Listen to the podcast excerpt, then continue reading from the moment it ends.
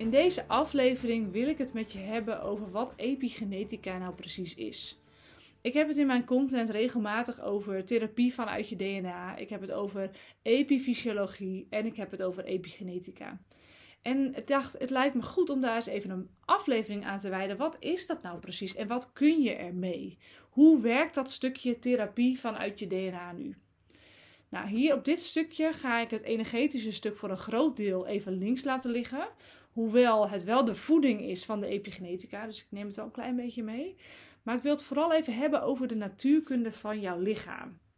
Zodat als je dat begrijpt, dat je ook ziet hoe wonderlijk het eigenlijk is. En dat het heel logisch is dat jouw lichaam bepaalde fysieke klachten heeft ontwikkeld.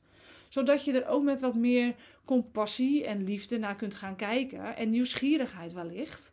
Met de vraag: oké, en wat is er dan nodig om dit proces terug te gaan draaien? En een andere uiting van mijn DNA te gaan krijgen. Want dat is in feite wat epigenetica is. Het is de uiting van jouw DNA. De manier waarop jouw genen, jouw DNA is uh, het totaalpakketje, je genen zitten daarin. De manier waarop jouw genen tot uiting komen.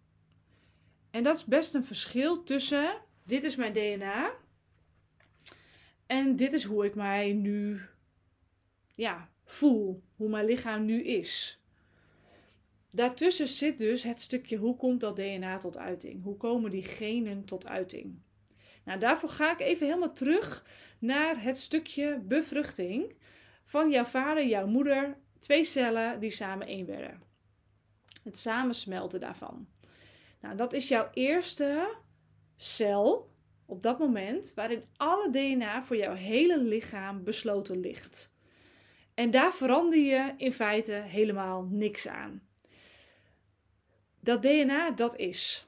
En vervolgens gaan die cel gaat delen, gaat nog meer delen, delen, delen. Nou, ontzettend veel informatie dus in die ene cel waarop jouw hele leven op latere leeftijd gaat draaien. De manier waarop en wat, wat, daarin ook de bandbreedtes zijn, de, de mogelijkheden zijn, ligt allemaal in dat DNA besloten. En het is dus een heel belangrijk deel van jouw constitutie. Van hoe jouw lichaam functioneert ten opzichte van het lichaam van een ander hoe jouw lichaam eruit ziet, hoe jouw gezichtsuitdrukking is, hoe, wat voor kleur je ogen zijn. Ligt allemaal in het DNA besloten. Maar ook bijvoorbeeld hoe een niercel moet werken en wat een niercel allemaal kan. Of wat een huidcel doet en wat een huidcel allemaal kan. Ligt allemaal in die ene cel besloten. Nou, vervolgens krijg je dus heel veel celdelingen. En daar wordt dan een baby. En die baby die groeit en die groeit en die groeit.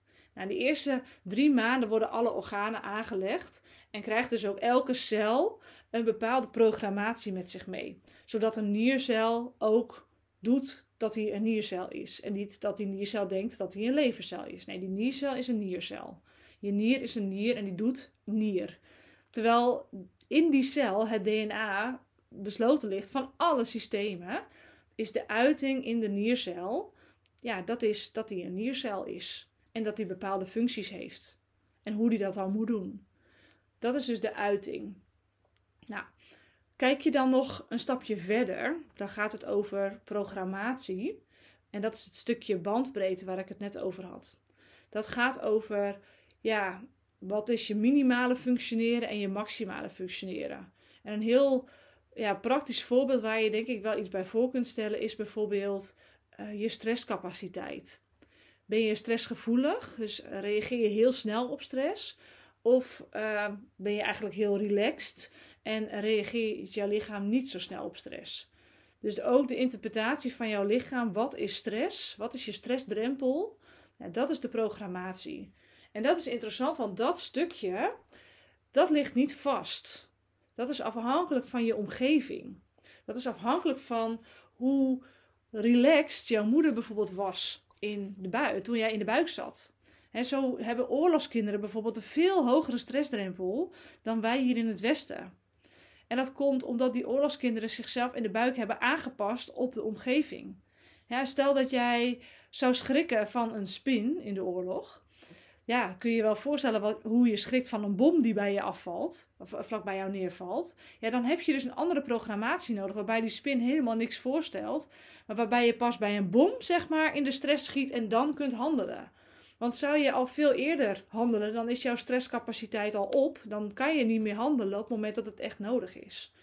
Dus daar waar jij, uh, ja, als het ware, in de buik groeit, dat, dat doet al heel veel met het programmeren van, van jouw lichaam. En dat geldt dus ook voor bijvoorbeeld, stel dat jij uh, in je DNA uh, hebt meegekregen dat je lactose intolerant bent. Dat kan ik ben dat zelf toevallig. Dus dat is, ik heb een DNA-onderzoek ook gedaan. En daar is ook uitgekomen dat ik lactose-intolerantie heb. Dus dat betekent dat ik eigenlijk in feite geen uh, lactose kan afbreken. Nou, dat kan dus zijn dat ik dat uh, uh, heb zonder dat ik daar last van heb. Oftewel, de uiting kan heel anders zijn als ik mijn hele leven niet in aanraking zou zijn met lactose.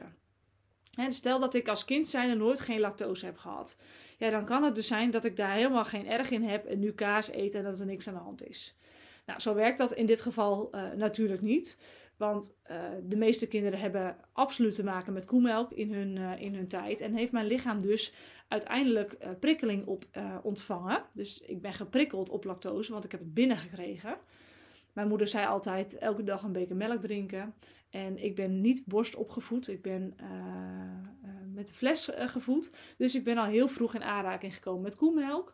Ja, dan kan het dus heel goed zijn dat jij die lactose-intolerantie die op DNA-niveau zit, tot uiting krijgt. Omdat je het eigenlijk niet kan verteren. Ja, dan wordt het geprikkeld, dan wordt het getraind.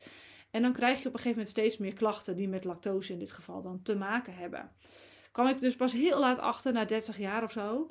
En ja, dan kun je natuurlijk helemaal stoppen met, uh, met koemelk. Dat heb ik ook gedaan, dat doe ik ook grotendeels. Uh, maar dan heb je eigenlijk in dat proces al heel veel ontwikkeld vanuit die lactose-intolerantie. Nou, dat is ook een stukje uiting daarvan. Maar laat ik hem eventjes um, terugbrengen naar algehele processen in het lijf. De uiting van het DNA de programmatie van het DNA hangt dus af van de omgeving waar jij opgroeit, van de voeding die je binnenkrijgt, van de, uh, het gedrag wat van jou verwacht werd. Het heeft ontzettend veel invloeden van buitenaf gehad en alles, hoe jouw hele DNA is geprogrammeerd en tot uiting komt, de epigenetica, is daarvan afhankelijk geweest.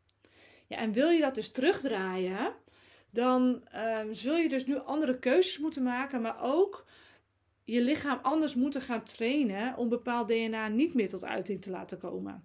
En daarmee bedoel ik, elk lichaam heeft DNA om eczeem aan te kunnen maken, bijvoorbeeld. Ik ga even in de voorbeelden praten, omdat anders wordt het zo groot. Elk lichaam kan dat. Elk lichaam kan eczeem maken.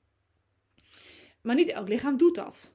Nou, waarom jouw lichaam dan wel? Nou, daar zijn redenen voor. Heel veel redenen kunnen daarvoor zijn. Het kan dus zijn dat je reageert op bijvoorbeeld koemelk, dat daar heel veel stress ontstaat, dat het lijf uh, bepaalde afvalstoffen via de huid naar buiten wil werken. Dat kan. Uh, maar dan heb je dus ook dat het DNA dus eczeem aan het maken is. Nou, wat je dus eigenlijk wil, is dat het DNA dat niet meer gaat doen.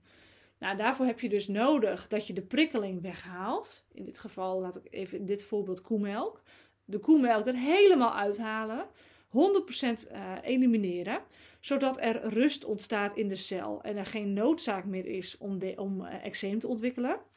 En van daaruit de stap maken dat het DNA dit eigenlijk helemaal niet meer uh, als opdracht gaat geven. Als het ware het boek dicht doet rondom eczeem, omdat het niet meer nodig is. Snap je wat ik daarmee bedoel? Nou, als het niet zo is, uh, laat het me gerust eventjes weten. Ik weet, het is een monoloog en het is een teaching. En het is vooral ook een stukje natuurkunde, scheikunde wat hier speelt. En dat is best een technisch verhaal soms. Maar ik denk dat het heel waardevol is als je uh, dit begrijpt. En ook naar jouw fysieke klacht gaat kijken. Wat, wat doet mijn DNA dan? En waarom doet mijn DNA dat? Want het heeft altijd een functie. Jouw lichaam doet helemaal niks om jou te pesten en doet ook helemaal niks per ongeluk. Jouw lichaam doet alles om jou gezond te houden. En in het uh, uh, voorbeeld van eczeem en koemelk zegt jouw lichaam dus: eczeem aanmaken is nodig om dit probleem van koemelk wat steeds binnenkomt op te lossen. Zodat jij niet hartstikke ziek wordt van die koemelk. Of zodat jij uh, geen ontsteking in je darm krijgt, want dat is veel erger. Dus we moeten het eruit werken en dat doen we via de huid. Nou, dat is dus wat je lichaam doet. En zo denkt jouw lichaam ook. Nou, met iets complexere situaties, laat ik het voorbeeld nemen van schildklier. Dan ehm, denkt jouw lichaam: oké, ehm, er is heel veel stress geweest voor hele lange tijd. Ik heb ook nog een jodiumtekort. Ik moet nu iets gaan doen om mijn mens in de race te houden. Om deze persoon die ik hier aanstuur, ja, gewoon een soort van zo goed mogelijk uh, op het eindstation te krijgen. Nou, wat gaat je lijf dan doen? hey, we gaan dan maar sparen op die schildklier, want dan gaat mijn mens wat rustiger aandoen. En uh, dan kan ik uh, het, het, het ding besturen met de jodium die er nu is. En ja, er komt te weinig binnen, dus ik moet me daarop aanpassen. Gaat je lichaam dus ander DNA aanspreken om die schildklier als het ware af te remmen? Heel functioneel voor je lijf, voor jou is het lastig. En dit is de mindset die je mag hebben naar welke fysieke klacht je ook maar hebt. Nou, en wat interessant nu is om, als je dit, dit begrijpt, dat je lijf eigenlijk niks doet zonder reden. En dat een reden dus kan zijn dat er een voedingsstoftekort is. Dat een reden kan zijn dat er een aanval van buitenaf is. Bijvoorbeeld voeding, bijvoorbeeld een parasiet, bijvoorbeeld een candida-infectie. Dan um, is zeg maar de oplossing daarvan, of uh, ja, dan is de oplossing daarvan dat je gaat kijken, maar wat is dan nu de daadwerkelijke oorzaak? Want die candida, dat jouw lichaam dat doet, heeft ook een oorzaak. Want niet iedereen heeft candida. Nou, waarom jij dan wel? Er zal ruimte zijn in jouw darmflora, waardoor die candida daar is. Of er is veel te veel suiker binnengekomen voor lange tijd, waardoor candida noodzakelijk was om te helpen om die suiker uit de darm op te ruimen. Ja, en dat jij dan nu met de gebakken peren zit, dat kan, dat is vervelend voor jou. Maar je lijf heeft het nodig gehad om de status quo, jouw, jouw gezondheid, jouw overleven te waarborgen. Nou, en het energiestukje heeft hier natuurlijk ook een rol in. Want daar waar een uh, verlaagde energie in cellen aanwezig is, ontstaat een bepaalde verdichting. En die verdichting zorgt ervoor dat voedingsstoffen minder goed kunnen doordringen naar de cel dat er minder energie aan kan komen in de cel, omdat die cel als het ware ja, een beetje vol zit en door de verdichting niet zo goed uh, ja, toereikend is, niet zo goed te bereiken is. Dat is eigenlijk de goede titel. Dus kijken we dan naar de schildklier. Ja, waarom, waarom doet je lijf het dan specifiek bij de schildklier? Daar zit uh, bijvoorbeeld een hele zware emotie van machteloosheid op opgeslagen in de cel, waardoor die schildklier al hele lange tijd stress heeft gehad en dus al verzwakt was. Nou, dan komt er ook nog een jodiumtekort bij. Dan komt er ook nog jij bij die een stressvolle tijd achter de rug heeft. En dan, bam, is je schildklier aan de beurt. Dat is een zwakke plek geworden. Het is dus belangrijk dat als je dit gaat oplossen, dat je niet alleen maar gaat kijken naar welke voedingsstoffen zijn er tekort voor mijn schildklier. Nee, waarom doet jouw schildklier dat? Waarom, waarom, waarom, waarom? Teruggaan in de tijd en alle puzzelstukjes boven tafel helpen. Dus en kijken hoe het er in je darmen aan toe gaat. En kijken of er voldoende energie aanmaak is, bijvoorbeeld in de hersenen, waar het regelsysteem zit van de schildklier, maar ook van, van heel veel andere systemen in je lijf. Altijd zoeken, zoeken, zoeken naar de oorzaak van de oorzaak naar de oorzaak. En je kunt je wel voorstellen dat dit ook best een ingewikkeld proces is. En dat is het ook. Het is niet een kwestie van, oh weet je, ehm, er is een fysieke klacht, daar is een protocol voor, zo lossen we het op. Uh, ja, die zijn er wel, maar dat zijn altijd tijdelijke oplossingen. En ik werk altijd uh, zoveel mogelijk met beide, zodat je zo snel mogelijk verlichting krijgt. Maar dat je ook naar de kern toe kunt komen om het DNA helemaal te herprogrammeren. En je kunt je voorstellen, daar is tijd voor nodig. Daar is persoonlijke aandacht en persoonlijke begeleiding voor nodig. Om zowel de verdichte energie op te ruimen, als het aanvullen van de juiste voeding, als de cel ook stimuleren om ander DNA tot uiting te gaan krijgen. En, en, het anders te gaan doen. Want patronen waar jij last van hebt als mens zijn, dan kijk even helemaal naar je business. Hè. Stel je hebt een patroon op dat je het moeilijk vindt om geld te ontvangen. Dan dat is een patroon wat is hardnekkig. En dat kost moeite om te doorbreken. Ja, zo is dat voor je lijf ook. Hè? Jouw cel is gewend om iets te doen. Die is op die manier ehm, geprogrammeerd. En het kost tijd voordat die cel het vertrouwen voelt, het zelfvertrouwen voelt. En ook de ruimte voelt om iets anders te gaan doen. Maar als je dat doet, als je jezelf daarin openstelt en dat je echt gaat samenwerken met je lichaam en, en niet gaat voor een oplossing die tijdelijk is, maar echt voor duurzaam, ja, dan kom je ergens. Dan leer je in dat proces ontzettend veel over jezelf en over je lichaam. Maar je komt ook op een plek waarbij je een blijvende oplossing hebt voor je fysieke klachten. En dat kan soms lang duren. Eerlijk is eerlijk. Uh, als ik kijk naar mijn eigen uh, rosacea bijvoorbeeld, dat zijn, uh, ik heb ontstekingjes in mijn gezicht. Mijn, DNA, mijn, mijn lichaam doet dus soms ontstekingen in mijn gezicht. De oorzaak daarvan is zeker energetisch. Dat heeft ook te maken met het laten zien van mijn ware gezicht bijvoorbeeld. Wordt altijd getriggerd als ik op een event heb gestaan en dat spannend heb ge gevonden als ik um, een afwijzing heb gevoeld van, van, van iemand die het niet eens met me was, dan, dan kan ik het donder op zeggen dat daar iets in geraakt wordt en dat daar een verzwakking ontstaat. En als ik dan ook nog heel druk ben en een beetje voor mijn gevoel wat gestrest ben, dan is mijn lijf ook fysiek wat verzwakt. Ja, dan is dat de plek waar het tot uiting komt. Het heeft me echt vijf jaar geduurd voordat ik tot de kern daarvan ben gekomen. Dat kan best heel lang duren. Maar de vaardigheden de vaardigheden die je opdoet in dat hele proces, neem je de rest van je leven mee. En dan is een aantal jaar of een aantal maanden, dat is, dat is niks op een mensenleven. Jij wilt gezond oud worden. Jij wilt genieten van het succes dat je aan het opbouwen bent.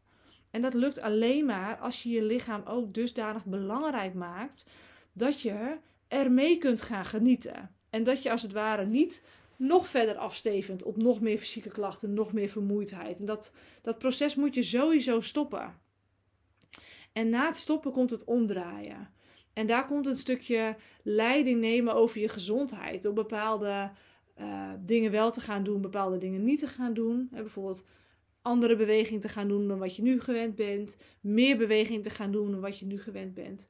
Eh, een ander voedingspatroon aan te leren, wat veel beter bij jouw lichaam past, bij jouw DNA past. Maar ook het opruimen van die cellen, dat is echt stap 1. Dat is echt belangrijk om daar iets mee te gaan doen. Uh, want als je dat niet doet, dan zul je de rest van je leven een heel pakket aan shit met je mee. Dat weegt zwaar, dat ondermijnt je gezondheid. Maar ik denk ook niet dat jij bedoeld bent om dat met je mee te zeulen. Ik denk dat jij bedoeld bent om het op te ruimen, zodat jij een wijzer mens wordt, een wijzere, ontwikkeldere ziel wordt, waarmee je dingen in dit leven kunt gaan laten, wat nu, zeg maar, voor jou ehm, niet meer mee hoeft naar een nieuw leven als je daarin gelooft. Of in elk geval niet mee hoeft naar het hiernamaals. Of dat je het in geval niet mee hoeft te nemen dat als je straks bejaard bent en 95 bent en terugkijkt naar je leven, dat je dan denkt: oh had ik maar. Nee, je wilt gewoon die gezondheid voorop zetten. En dat doe je door je lichaam te gaan horen, te gaan voelen, te gaan luisteren, te gaan opruimen. En ik help je daar natuurlijk heel graag mee met mijn trajecten Coming Home of Ultimate Temple. Maar Food for Thought is ehm, ook een hele mooie optie als je denkt: oké, en waar ga ik dan beginnen? Food for Thought, dat is mijn lunch and learn. Dat is op 16 maart. En dat is een paar uurtjes onder het genot van fantastische voeding. Maar ook lachen en voelen. En aan de slag met wat ik je nu vertel. Door te gaan begrijpen wat jouw lichaam je wil vertellen op een hele laagdrempelige, luchtige manier. Maar ook toepasbare manier. we doen niks vanuit. Nou, is leuk om te weten, maar wat moet ik ermee? Nee, je wil ermee in actie komen. Dus ik nodig je uit voor 16 maart om hier samen mee aan de slag te gaan. En als je eerder aan de slag wilt en je wil niet wachten, je wil niet uitstellen, wat ik ook heel goed begrijp, plan dan met mij een gesprek in om jouw gezondheid te bespreken. Jouw fysieke klachtenplaatje te bekijken, mijn visie daarop los te laten. En zodat jij kunt horen wat er voor nodig is voor jou om een duurzame, blijvende gezondheid te behouden waarbij jij aan het roer staat. Plan je call in ook via de link in de reacties. Ik uh, zie, hoor, spreek je heel graag. Ook als je nog vragen hebt over deze aflevering. Ik ben altijd bereikbaar in Instagram, LinkedIn, in een DM. Wees heel welkom. Ik spreek je heel graag daar. In elk geval een hele fijne dag en tot een volgende aflevering.